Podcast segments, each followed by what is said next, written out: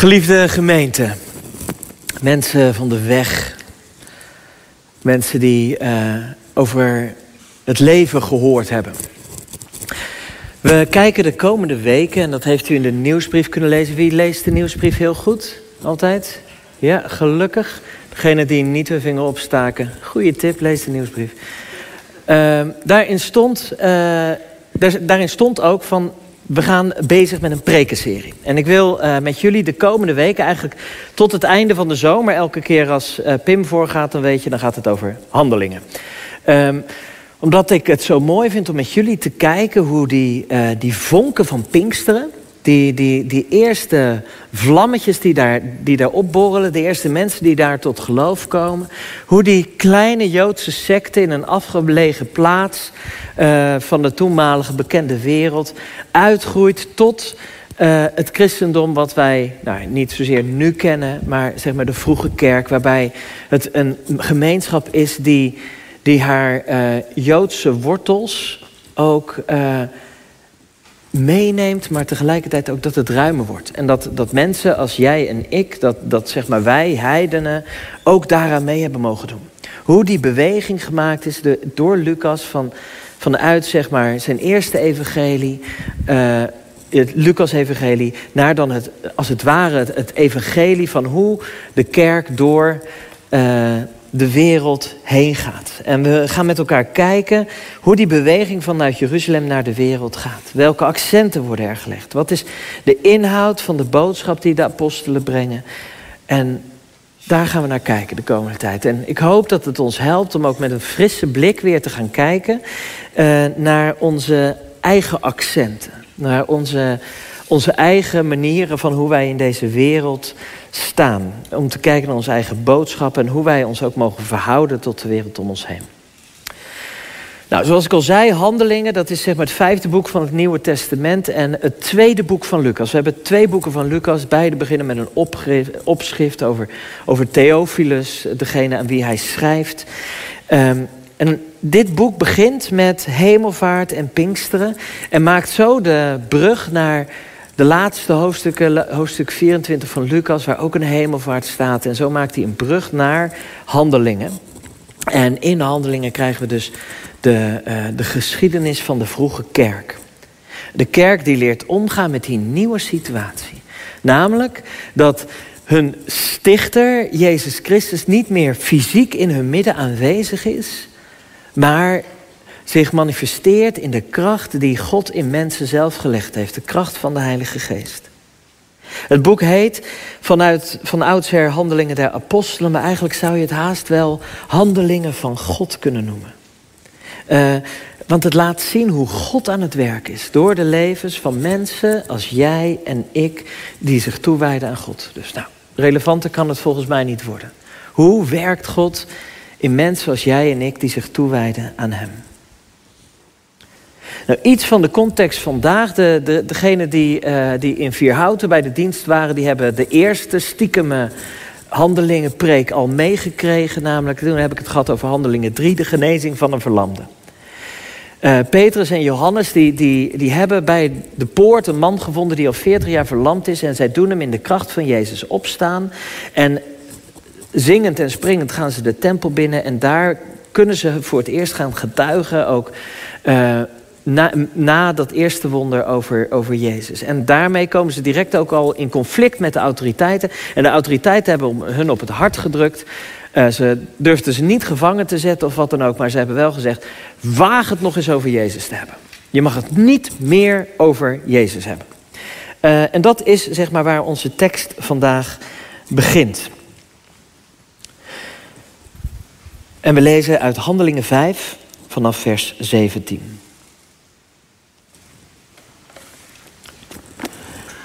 Daarop besloten de hoge priester en zijn medestanders de Sadduceeën in te grijpen.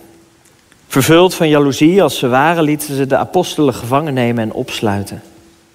S'nachts opende een engel van de Heer echter de deuren van de gevangenis, bracht hen naar buiten en zei: Ga naar de tempel en spreek daar tot het volk over alles wat het nieuwe leven aangaat. De apostelen gaven hieraan gehoor en gingen bij het aanbreken van de dag naar de tempel, waar ze hun onderricht voortzetten. Toen de hoge priester en de Sadduceeën gearriveerd waren, riepen ze het Sanhedrin, dat is zeg maar de, de vergadering van de leiders, uh, bijeen. De hele raad van oudsten en de Israëlieten. En zonden de tempelwachters naar de gevangenis om de apostelen te halen. Maar toen de wachters daar kwamen, troffen ze hen niet aan. Ze keerden terug om verslag uit te brengen en zeiden... Ja, de gevangenis was zorgvuldig afgesloten en de bewakers stonden bij de deuren. Maar nadat we die geopend hadden, troffen we er niemand aan. Toen het hoofd van de tempelwacht en de hoge priesters dat hoorden... vroegen ze zich vertwijfeld af wat de gevolgen hiervan zouden zijn. Kort erop kwam iemand zeggen... de mannen die u gevangen hebt gezet zijn in de tempel en ze onderrichten het volk... Daarop ging het hoofd van de tempelwacht hen met zijn wachters halen, maar zonder geweld te gebruiken, omdat ze bang waren dat het volk hen zou stenigen. Ze namen de apostelen mee en leidden hen voor het Sanhedrin. De hoge priester begon het verhoor met de vraag: Hebben wij u niet nadrukkelijk verboden die naam nog te gebruiken en er onderricht over te geven?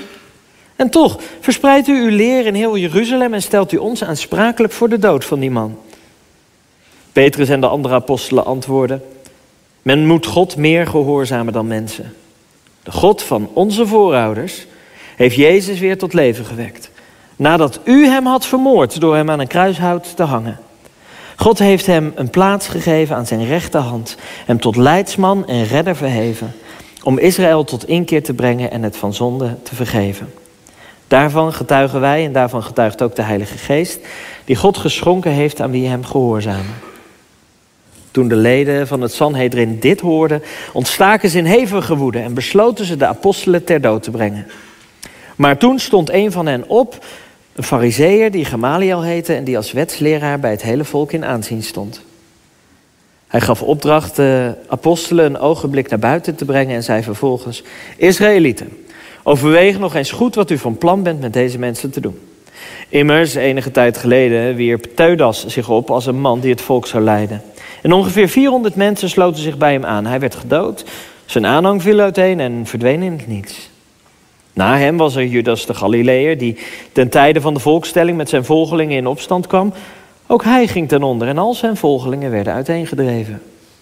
Daarom zeg ik u, hou u afzijdig van deze mensen en laat hen begaan. Want als het mensenwerk is dat ze nastreven, zal het op niets uitlopen. Maar als het Godswerk is, zult u niets tegen hen kunnen uitrichten. Of het zou wel eens kunnen blijken dat u tegen God strijdt. De leden van het Sanhedrin stemden met hem in, riepen de apostelen weer binnen. Ze lieten hen geeselen en bevalen hun de naam van Jezus niet meer te gebruiken en lieten hem vrij. De apostelen verlieten het Sanhedrin verheugd dat ze waardig bevonden waren deze vernedering te ondergaan omwille van de naam van Jezus. Ze bleven dagelijks onderricht geven in de tempel of bij iemand thuis en gingen door met het verkondigen van het goede nieuws van Jezus Christus. Dat Jezus de Messias is. Woorden van leven.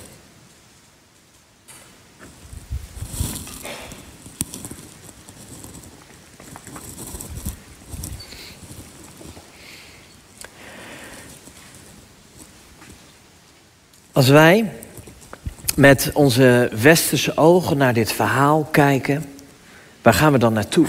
Dan gaan we naar dat moment dat de gevangenis ineens wordt opengemaakt door een engel. Wauw, wat wonderlijk. Hoe kan dat? Hoe, hoe kan dit gebeuren? Maar het leuke vind ik aan dit verhaal, en daarom zal ik daar de focus ook niet leggen, is dat Lucas het meer als een soort nota bene erbij zet. Van hey, hè, uh, ja, en toen deed God natuurlijk weer iets, zodat. Uh, tussen neus en lippen door noemt Lucas even dat er een engel verschijnt. Want de omstandigheden doen er niet toe.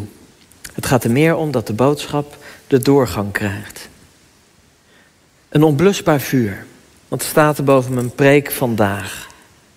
Want die leiders van Jeruzalem, die, die doen er alles aan om dat, dat vuurtje uit te trappen. Om, om te zorgen dat die, die vlammen die met Pinksteren zijn ontstaan, dat die niet verder gaan. En het lukt ze niet. Het lukt ze niet. Waardoor aan het einde van Lucas' eerste boek horen wij de opdracht die Jezus geeft. De leerlingen die krijgen te horen dat zij moeten vertellen aan de wereld dat alle volken opgeroepen worden om tot inkeer te komen, opdat hun zonden worden vergeven. Dat is hun taak. Dat is het doel wat, wat, wat de, de apostelen hebben. Dat zij de wereld moeten vertellen dat alle volken opgeroepen worden om tot inkeer te komen, opdat hun zonden worden vergeven. En ze moeten daarmee beginnen in Jeruzalem. En dat is precies waar ze mee bezig staan. Zijn. Ze, ze gaan staan in die opdracht die Jezus hen gegeven heeft. Dat is hun taak. Daar focussen ze zich op. En er zijn, ja, heel handelingen staat bol van al die onderbrekingen die er voortdurend zijn.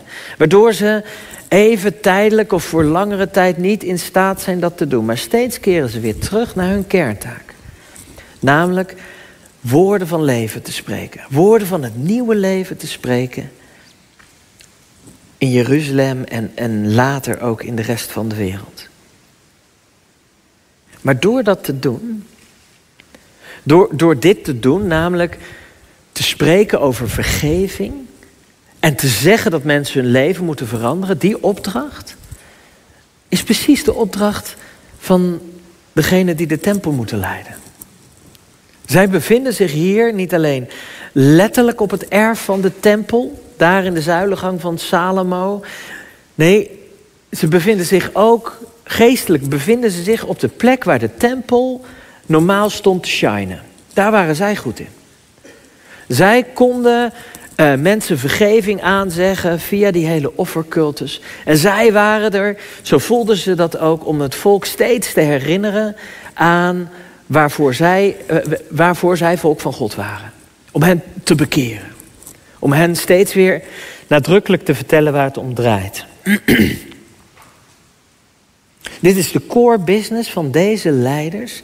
En nu staan er uh, op hun stoep een stelletje Galileese ongeletterden.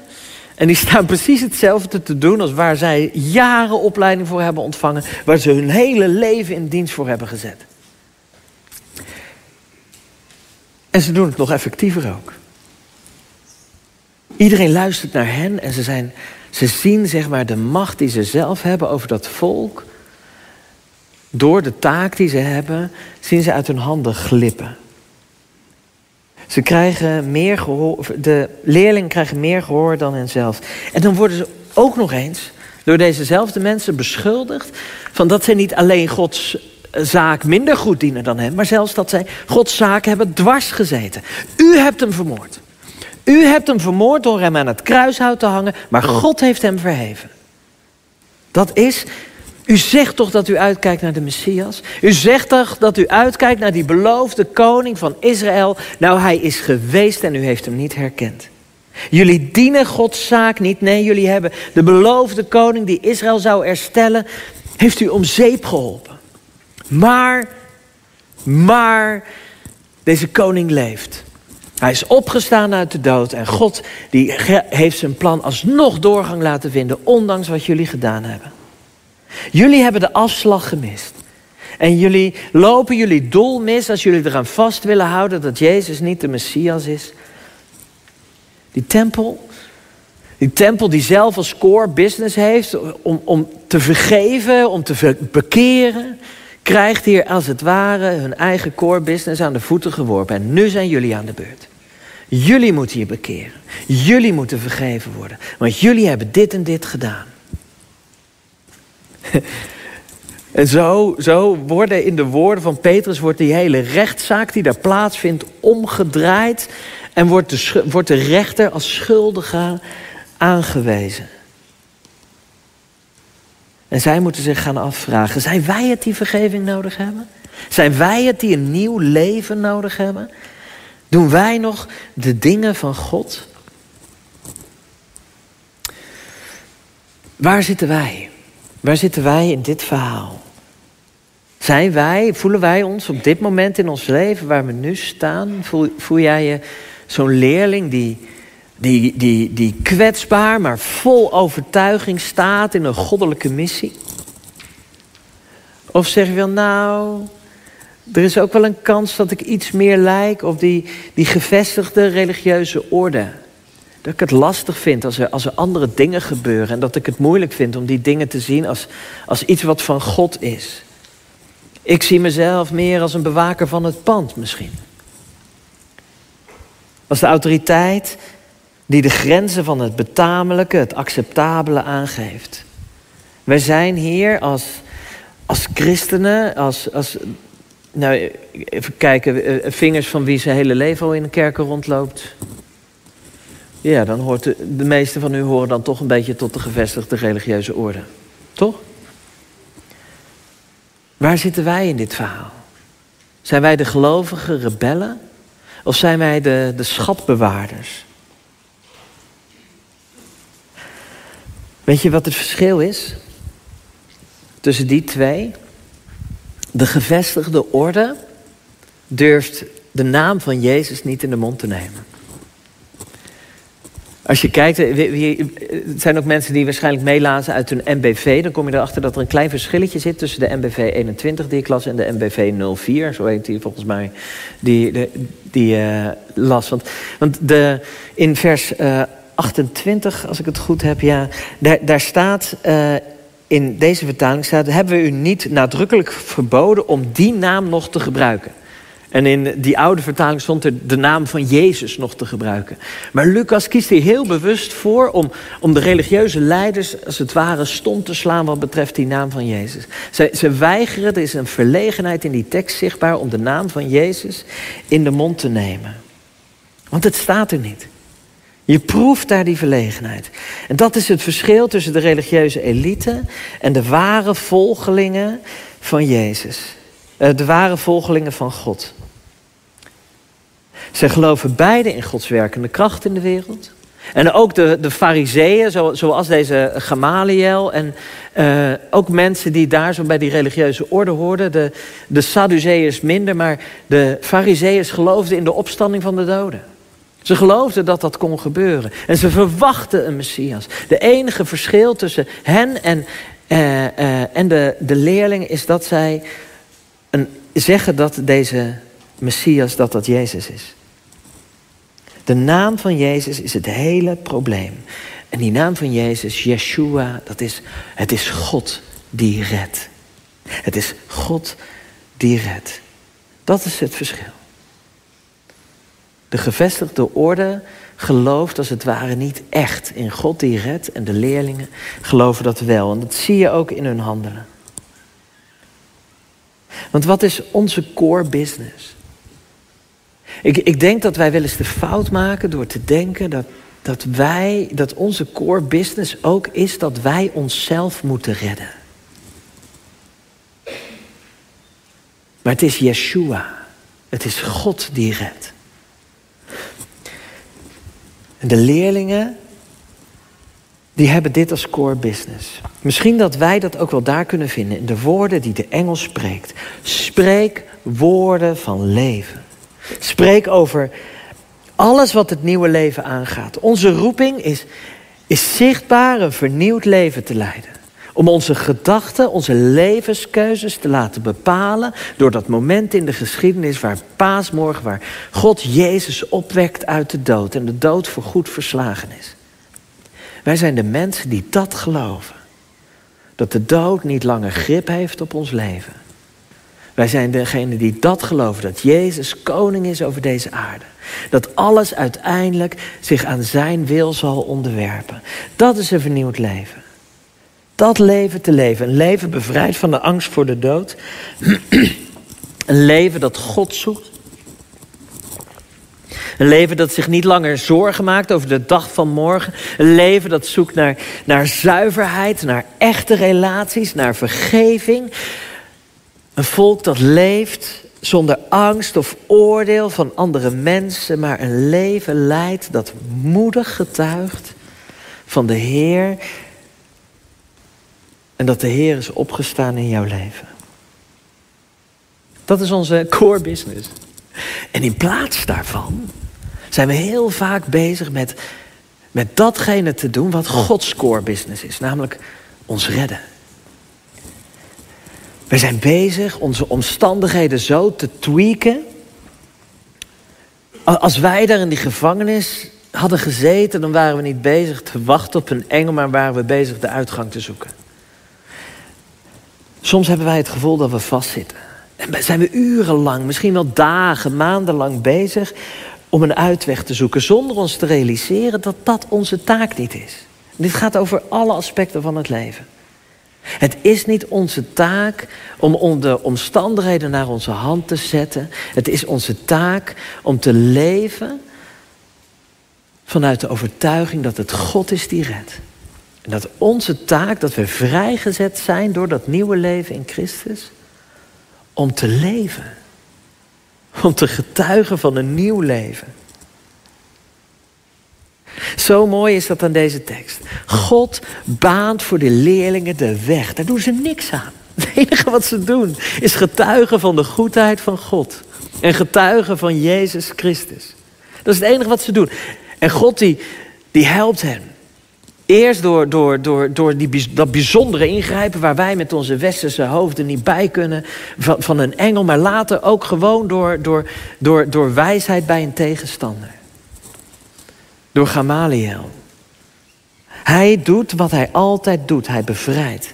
En overigens is het niet zo dat alle gevangenissen in handelingen opengaan. Want Paulus, die, de, laatste woorden uh, van handelingen gaan over Paulus, die zeker twee jaar vast zat in die gevangenis in Rome. Maar van daaruit nog steeds bleef doen wat hij opgedragen had, namelijk de getuigen van het goede nieuwe leven. Paulus, die overigens een leerling is van deze wijze Gamaliel in dit verhaal. Het is volledig aan God op welke manier hij zijn koninkrijk bouwt. En de apostelen die krijgen in het stuk van vandaag ook gewoon een, een, een afranseling. Het is geen koek en ei. Het is geen gemakkelijk verhaal waar, waar alle zorgen weggenomen worden. Nee, maar zij weten telkens weer terug te gaan naar hun core business. Er is onrecht. Er is onvrijheid. Er zijn situaties waar je misschien wel jaren in vast kunt zitten. Maar denk het eens om. Kijk eens naar die situatie die nu al de hele tijd knaagt in je hoofd terwijl ik dit zit te vertellen. En denk hem eens om. Is het jouw taak om jezelf hieruit te bevrijden? Of is het, is het jouw taak om hier, op dit moment in de situatie waar je nu in zit, bezig te zijn met, met wat God van jou verlangt? Wie jij mag zijn, namens Hem. Kun jij je voorstellen dat je in deze situatie waarin je nu vastzit, toch woorden van leven spreekt? Kun je dat op je werk? Kun je dat thuis? Kun je dat op school? Datgene wat je gehoopt had te, te bereiken, wat niet gelukt is, kun jij deze situatie omdenken en zeggen, maar ook nu mag ik doen wat Jezus van mij vraagt. Ben je bezig met je omstandigheden te tweaken? Steek je daar je energie in of beperk je je tot je core business, de getuigen van het nieuwe leven? Ik denk dat wij ons heen en weer bewegen. Soms zijn wij die, die rebellen, die, die, die, die grenzen verleggen en die gelovig nieuwe wegen gaan. En, en soms voelen we ons meer als die schatbewaarders. Van ja, maar als, als ik niet opkom voor dit, dan doet niemand het. Als schatbewaarders van iets dat zo heilig is dat we het gevoel hebben dat we het met hand en tand moeten verdedigen. Mocht jij meer een rebel zijn, een gelovige rebel, dan zeg ik: blijf trouw aan je roeping. Sta je niet blind op alles wat mis kan gaan of alle beperkingen die je ervaart om dit nieuwe leven uit te leven. Maar zie deze plek van je leven als een moment om het nieuwe leven inzichtelijk te maken voor een ander mens.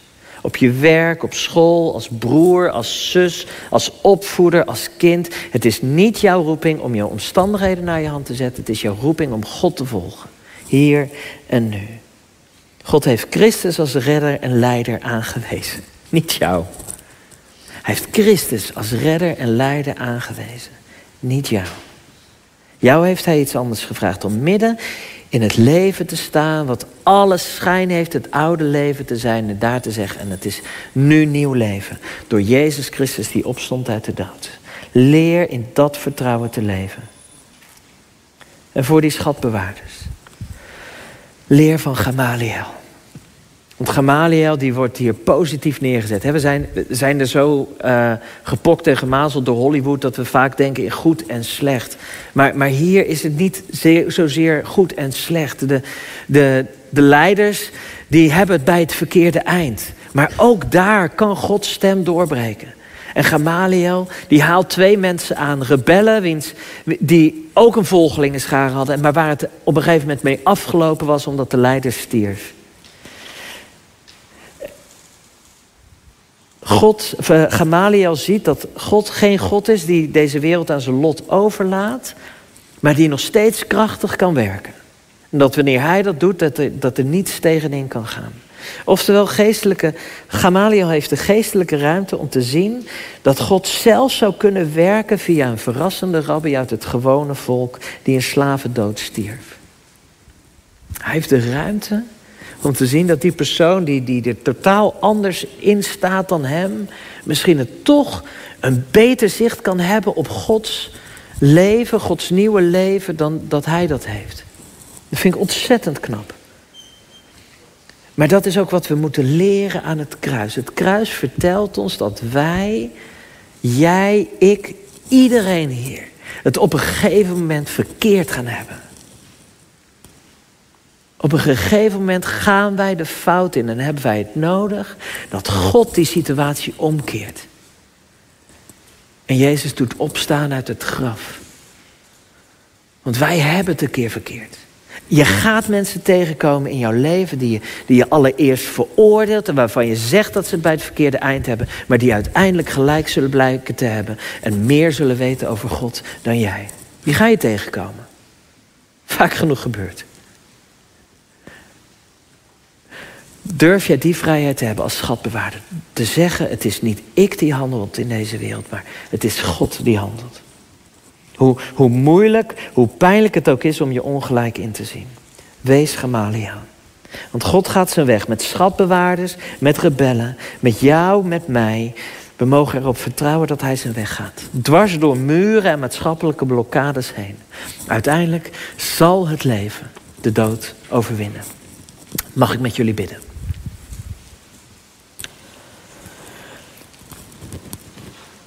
Vader, we danken u voor het voorbeeld van Petrus en Johannes. Die uw weg gaan, ondanks de omstandigheden. Die zich steeds bewust zijn van, van hun roeping, van uw roeping voor hen. We danken u voor een voorbeeld als dat van Gamaliel. Die de wijsheid heeft om zijn ongelijk toe te geven. Vader, maak ons als mensen die bereid zijn om te vergeven. Mensen die bereid zijn om te bekeren. Keer ons naar u toe. Elke dag opnieuw. Amen.